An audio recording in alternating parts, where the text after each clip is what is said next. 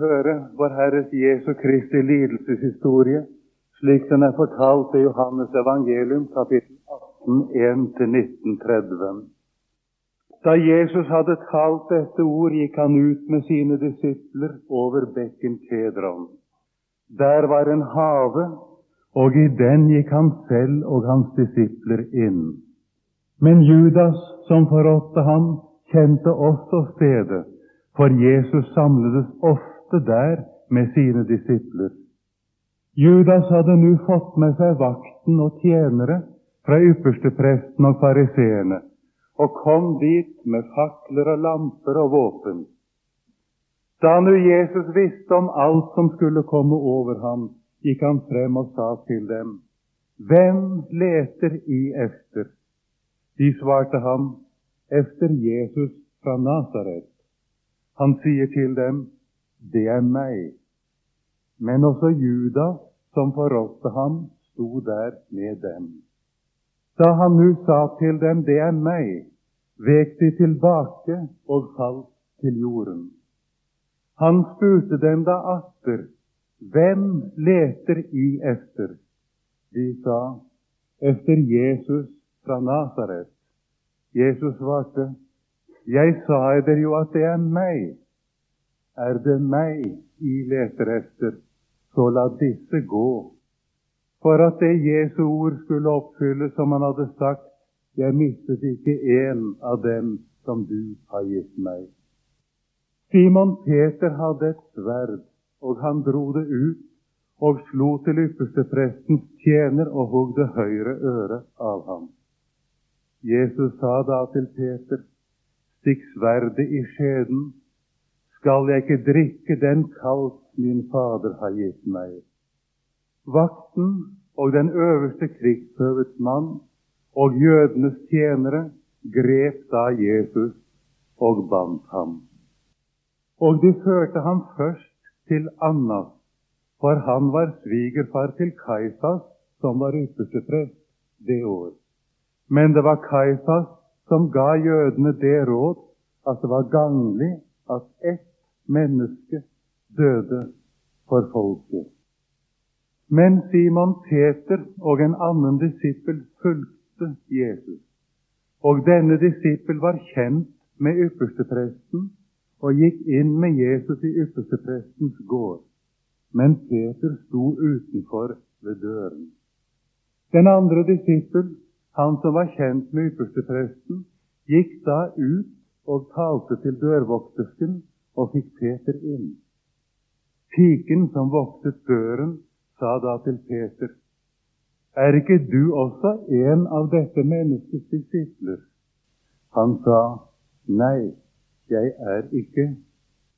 Men tjenerne og drengene hadde gjort opp en kullild fordi det var koldt, og sto og varmet seg. Men også Peter sto der med dem og varmet seg.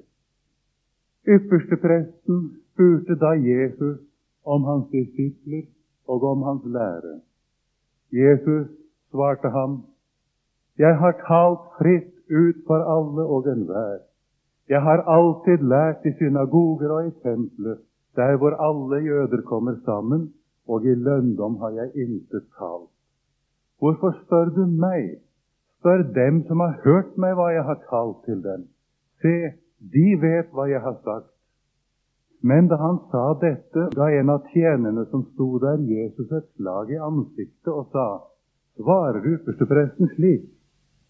Jesus svarte ham, Har jeg talt ille, da bevis at det er ondt. Men har jeg talt rett, hvorfor slår du meg da? Annas sendte ham da bundet til ypperstepresten Kaifas. Men Simon Peter sto og varmet seg. Da sa de til ham, du skulle vel ikke være en av hans disipler, du også? Han nektet og sa, nei, jeg er ikke. En av yppersteprestens tjenere, en fremmed av den som Peter hadde hugget øret av, sa, sier, så ikke jeg deg sammen med ham i haven? Atter nektet Peter, og straks gol hanen. De førte da Jesus fra Kaifas til borgen. Det var tidlig om morgenen, og de gikk ikke selv inn i borgen for at de ikke skulle bli urene, men kunne ete påske. Pilatus gikk da ut til dem og sa, Hva klagemål fører I mot denne mannen? De svarte ham, Var dette ikke en ugjerningsmann, da hadde vi ikke overgitt ham til deg. Pilatus sa da til ham, Ta i ham og døm ham etter eders lov. Jødene sa da til ham, vi har ikke rett til å avlive noen for at det Jesu ord skulle oppfylles, som han sa, for å gi til kjenne hva slags død han skulle dø. Pilatus gikk da inn i borgen igjen og kalte Jesus for seg og sa til ham, Er du jødenes konge? Jesus svarte, Sier du dette av deg selv, eller har andre sagt deg det om meg? Pilatus svarte, er jeg en jøde? Ditt folk og yppersteprestene har overgitt deg til meg. Hva er det du har gjort? Jesus svarte, Mitt rike er ikke av denne verden. Var mitt rike av denne verden, da hadde mine tjenere stridd for at jeg ikke skulle bli overgitt til jødene. Men nå er mitt rike ikke av denne verden. Pilatus sa da til ham, så er du dog konge. Jesus svarte, du sier det. Jeg er konge. Jeg er dertil født og dertil kommet til verden at jeg skal vitne for sannheten. Hver den som er av sannheten, hører min røst. Pilatus sier til ham, Hva er sannhet? Og da han hadde sagt dette, gikk han ut igjen til jødene og sa til dem, jeg finner ingen skyld hos ham. Men I har jo den skikk at jeg skal gi eder en fri i påsken. Vil I da at jeg skal gi eder jødenes konge fri? De ropte da atter alle sammen og sa, ikke ham, men Barabbas. Men Barabbas var en røver. Da tok Pilatus Jesus og lot ham hudstryke og stridsmennene flettet en krone av torner og satte den på hans hode. Og de kastet en purpurkappe om ham og gikk frem for ham og sa, Vær hilset, du jødenes konge, og de slo ham i ansiktet.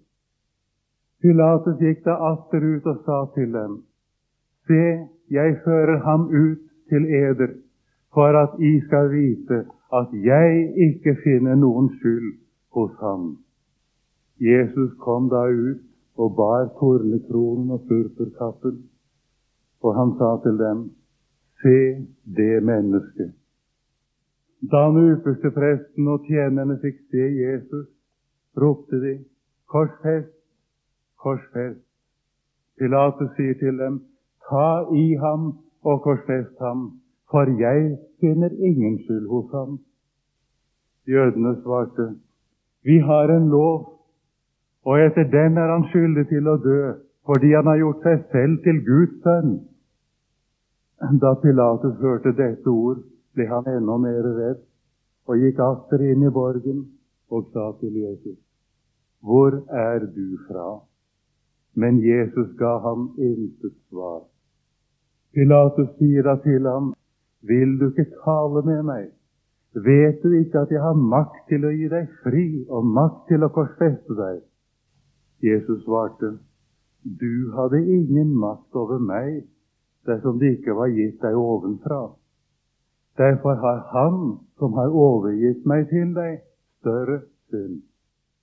På grunn av dette søkte Pilatus fremdeles å gi ham fri. Men jødene ropte, Gir du denne fri, da er du ikke keiserens venn. Vær den som gjør seg selv til konge, setter seg opp imot keiseren. Da nu Pilatus hørte disse ord, førte han Jesus ut og satte seg på dommersetet på det sted som kalles stenlagt på hebraisk Gabbata. Men det var beredelsesdagen i påsken omkring den sjette time, og han sier til jødene, Se her, eders konge. De ropte da, Bort, bort med ham, korsfest ham. Pilatus sier til dem, Skal jeg korsfeste eders konge? Yppersteprestene svarte, Vi har ingen annen konge enn keiseren. Da overga han ham til dem til å korsfeste.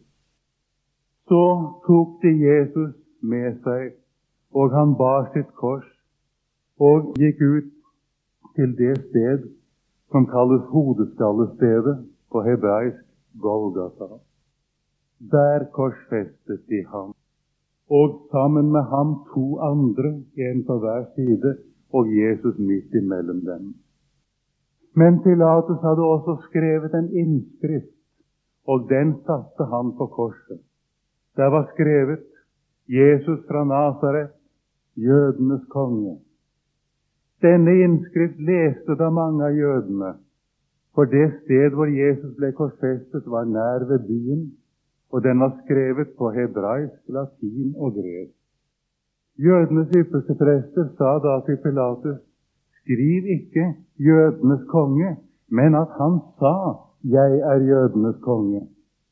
Pilatus svarte, det jeg skrev, det skrev jeg.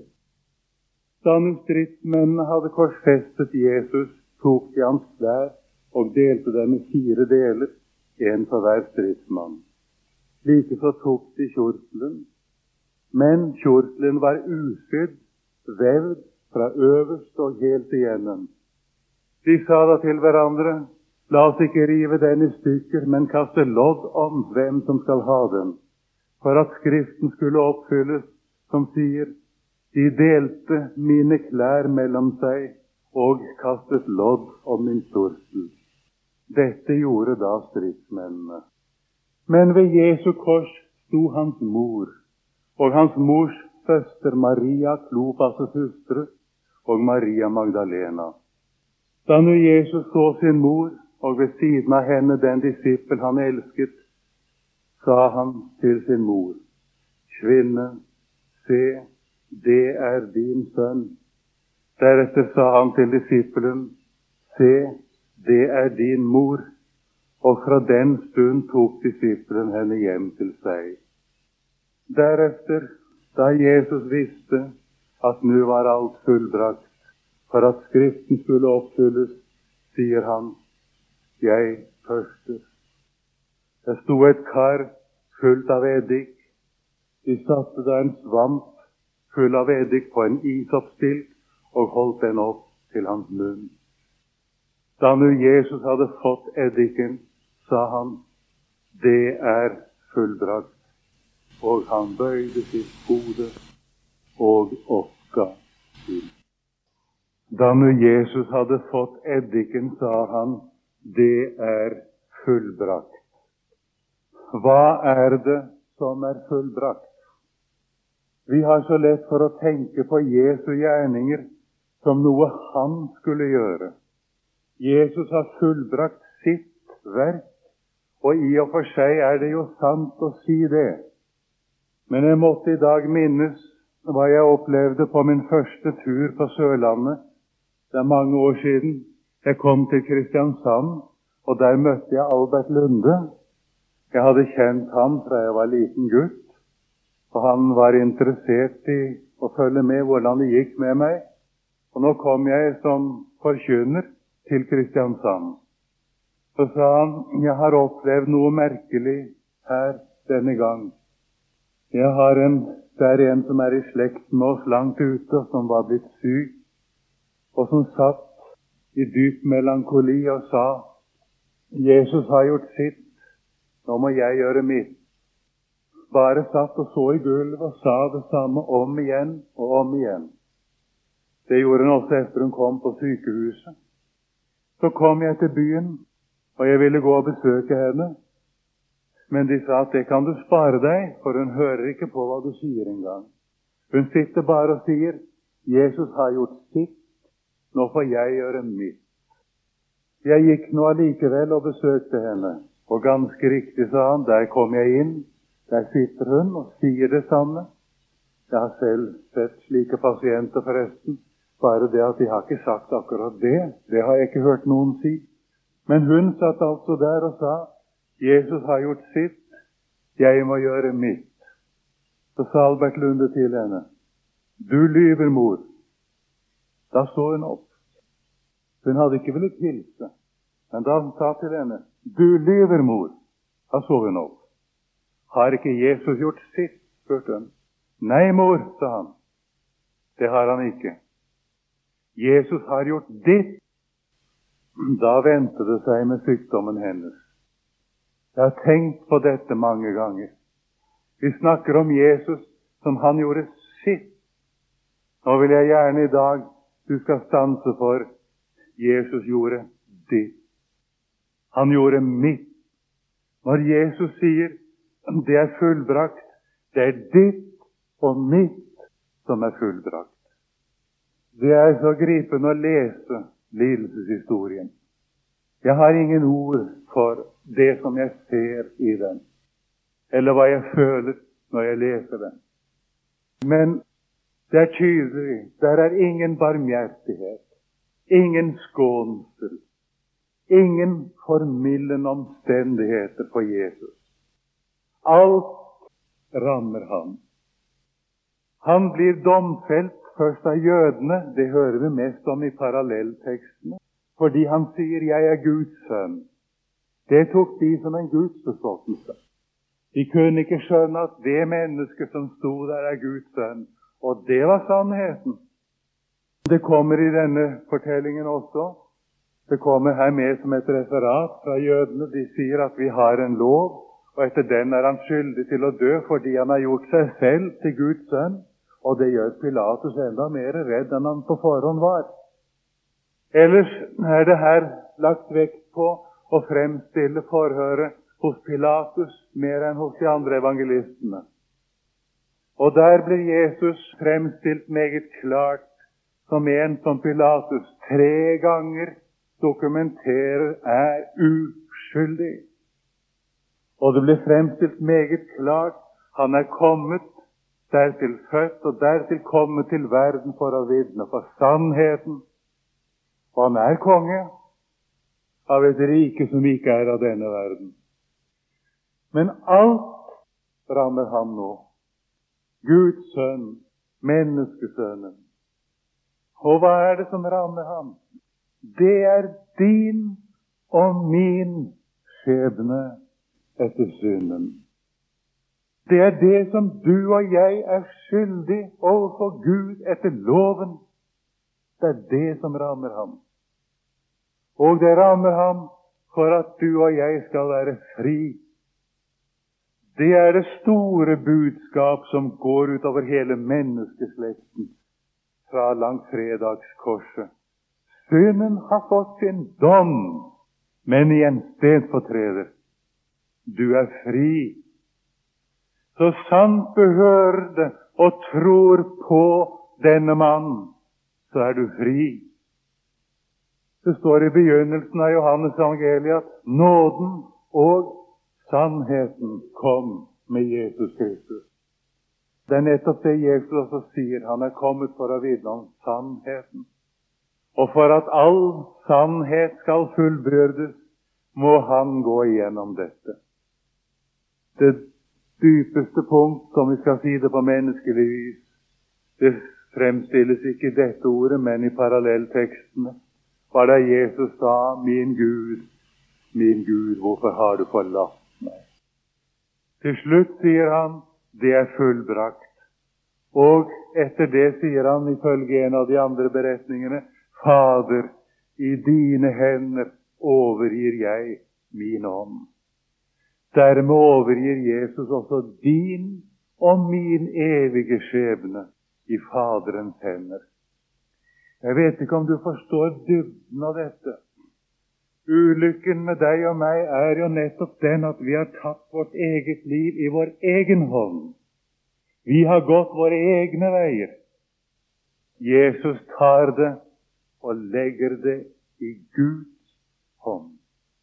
Og vi skal få være i Guds hender, fordi vår synd er sonet, Og det som skiller oss fra Gud, det er tatt bort. Da Jesus utåndet, revnet forhenget i tempelet. Det er også symbolsk. Det som stenger mellom Gud og mennesker, det er der ikke mer. Nå får du syndenes forlatelse for Jesus skyld, som det står i Efesen 1,7.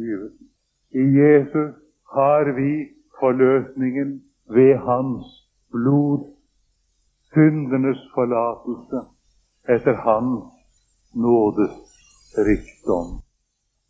Ut fra Golgata kors går det evige liv. Like sikkert som synden fører døden med seg, like sikkert fører Jesu Kristi forsoning det evige liv med seg. Derfor sies det uten avkortning at den som tror på Sønnen, har evig liv. Jesus gjorde det, og han gjorde mitt. La oss ta det med oss i dag, og så stanser vi der.